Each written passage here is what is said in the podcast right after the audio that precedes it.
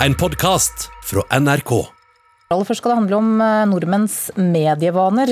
For eh, koronakrisen har ført til store endringer i medievanene våre. Blant annet så følger vi mye flittigere med på nyheter nå enn før 12.3, da koronakrisen for alvor kom til Norge. Og aller størst er økningen blant de unge, viser tall fra både VG, NRK og Kantar. Og vi har møtt noen nyhetsinteresserte ungdommer i en skatepark.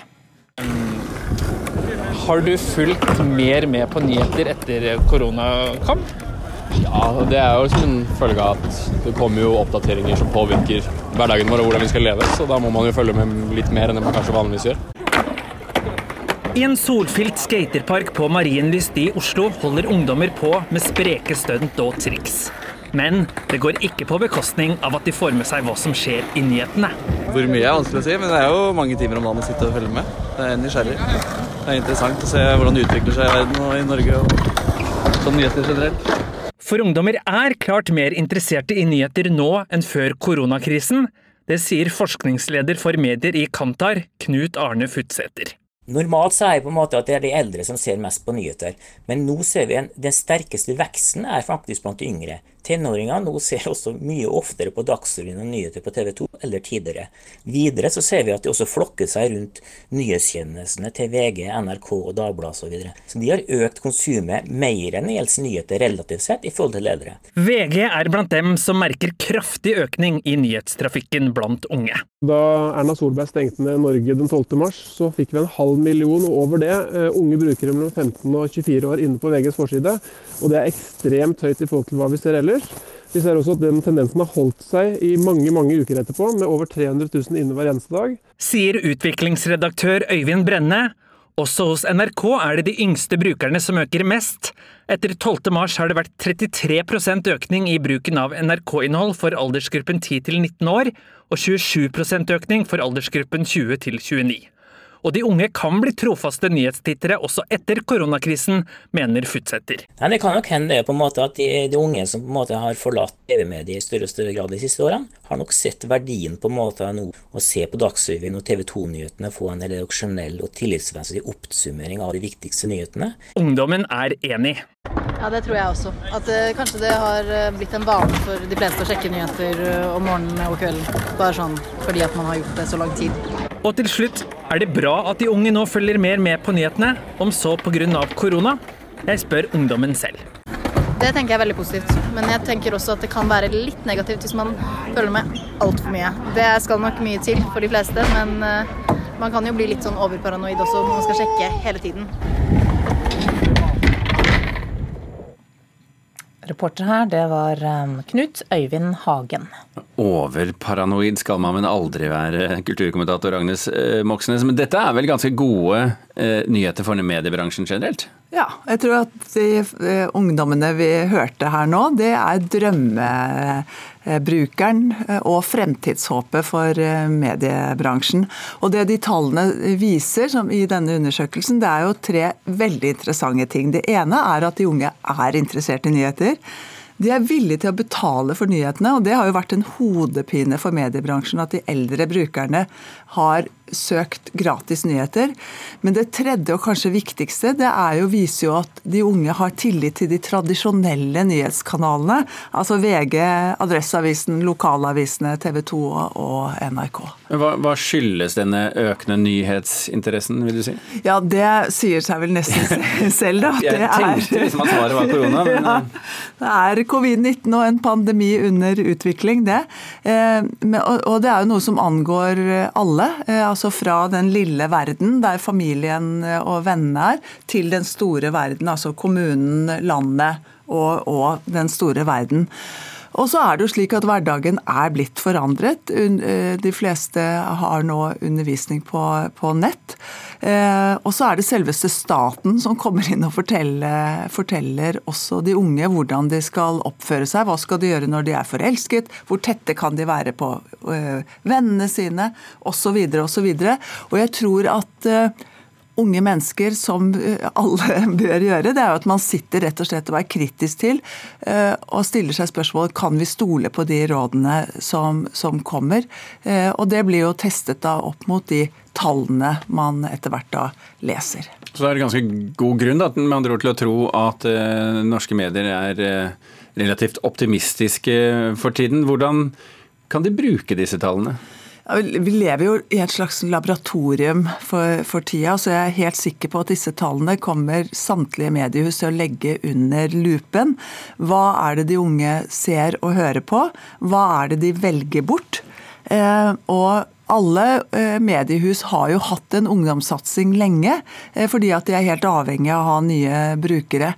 Men det dette kan tyde på, er at unge mennesker velger kvalitet, og de velger fakta. Eh, VG har hatt en side som heter Korona spesial. Det er den mest besøkte satsingen deres noensinne. Og det er altså en side som er stappfull av nerdete informasjon, vil jeg tenke da. Det er som grafer, eh, det er tall altså ned på detaljnivå. Hvem blir syke? Hvilken alder blir de syke i? Antall sykehusansatte som er i karantene? Hvilke tiltak setter myndighetene inn? Når settes de inn? Altså Den type faktainformasjon eh, er også ungdom interessert i, ettersom disse tallene har økt så voldsomt. Men de kommer helt sikkert til å studere og, og gå inn og nærstudere disse tallene her. Men, men, det er jo ikke bare, så vidt jeg forstår i hvert fall, bare disse nye eh, mediene som vokser, eller, eller eh, nye utgaver av de samme mediene som vokser. Eh, TV 2-nyhetene, Dagsrevyen mm. har også gode tall. Så hvordan skal vi tolke det? Eh, det er, det vet vi jo egentlig, at eh, direktesendt TV, når noe skjer, det er en vinner. Altså sportssendinger eller Idol eller Melodi Grand Prix, politiske kriser osv. osv. Og nå lever vi jo i en konstant oppdatering. Det skjer noe hele tiden. Eh, og, og det er grunnen til at, at mediene, altså det direktesendte, det er altså sånn som Nyhetsmorgen f.eks. er en vinner i, i disse tider. Ja. Agnes Moxnes, takk skal du ha. Hey everybody, Billy Porter here. I know this is a really scary time for everyone and it can be especially isolating for queer people who are away from their chosen families and support systems. Because of the COVID 19 crisis, so many of the smaller local LGBTQ centers and organizations that embrace and support the queer community are in danger of closing. But tonight, we are coming together to try to stop that from happening. Skuespiller Billy Porter er en av flere amerikanske kjendiser som har engasjert seg for å vise støtte under koronakrisen vi er oppe i nå. Flere artister og skuespillere har nå engasjert seg i en innsamlingsaksjon til støtte for de som sliter under koronakrisen. Og Kulturreporter Linda Marie Fedler, hva kan du si mer om det? Det er amerikanske artister og skuespillere som Barbara Streisand, Kesha og Rosie O'Donnell som står bak en innsamlingsaksjon til støtte for LHBT pluss-samfunnet. Og bare forklare, så eh, er, står LHBT pluss for lesbiske, homofile, bifile, transpersoner og andre som bryter med normer for eh, kjønn og seksualitet. Sentrene som tar imot og hjelper unge voksne, uh, unge og voksne som har det vanskelig pga. sin legning, uh, de har begynt å stenge i USA som en følge av uh, koronaepidemien. Og barn som opplever å bli kastet ut hjemmefra og har derfor ingen steder å gå eller å få mat, de får, er, for dem så er jo dette en stor konsekvens. Together in Pride, You Are Not Alone, Sammen i stolthet, Du er ikke alene, er navnet på arrangementet. Og målet med det var å hindre at eh, alle hjelpesentrene fra å stenge. Politikere var også til stede under den digitale sendingen som skjedde i går kveld. Annet tidligere presidentkandidat Pete Buttigieg holdt en personlig tale, og flere kjendiser delte sine historier om eh, hvordan det var å komme ut som homofil, og fordommene de da ble møtt med. Arrangementet samlet til sammen inn over 225 000 dollar. Ok, Ikke verst, kulturreporter Linda Marie Fedler. Hallingdølen Stein Torleif Bjella har siden solodebuten for over ti år siden imponert kritikere og publikum med sine briljante tekster om livet på bygda som vel like mye handler om livet generelt. Han har vunnet Prøysenprisen, Edvardprisen, Bendik-prisen, og i tillegg har tekstene hans blitt til en forestilling på Det Norske Teatret. Før helgen så slapp Bjella sitt nye album, Øvre Ål Toneakademi.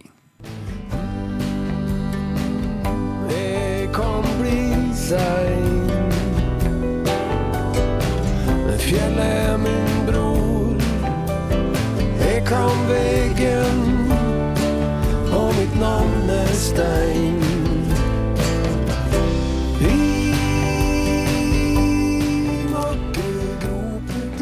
Mitt navn er Stein, musikkritiker her i NRK, Espen Borge. God morgen.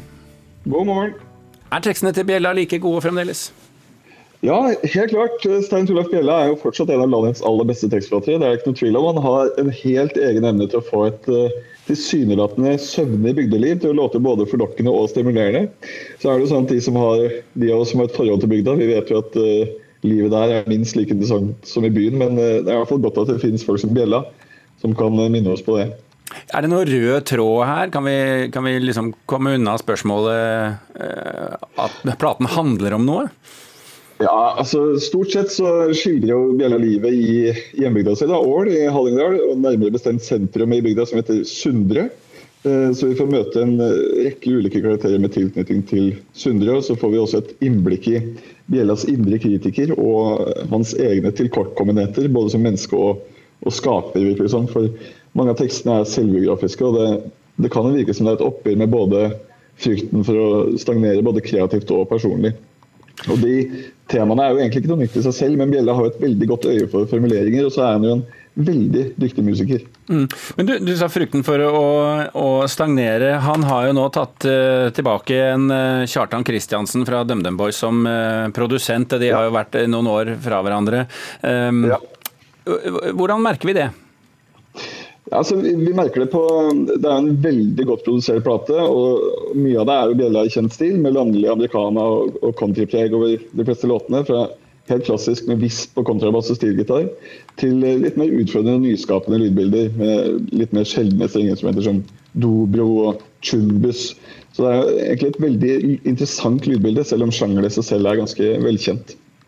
Og så er det jo selvfølgelig veldig godt produsert, som jeg sa. Og musikalsk, da. Vi har snakket litt om tekstene. Han skriver jo gørgode melodier også. Ja, han gjør det. Melodiene Det er rett og slett um, Han har en sånn, litt sånn utfordrende måte å, å skrive arrangementer på, syns jeg. Det blir aldri kjedelig og gjentagende. Det er alltid nytt og spennende, litt friskt. Mm. Eh, skal vi prøve oss på et terningkast? Ja, det syns jeg. Summen av dette det syns jeg er en sterk femmer. En sterk femmer. Ok. Espen Borge, kritikk, musikkritiker her i NRK. Takk for at du var med oss på Morgenkvisten.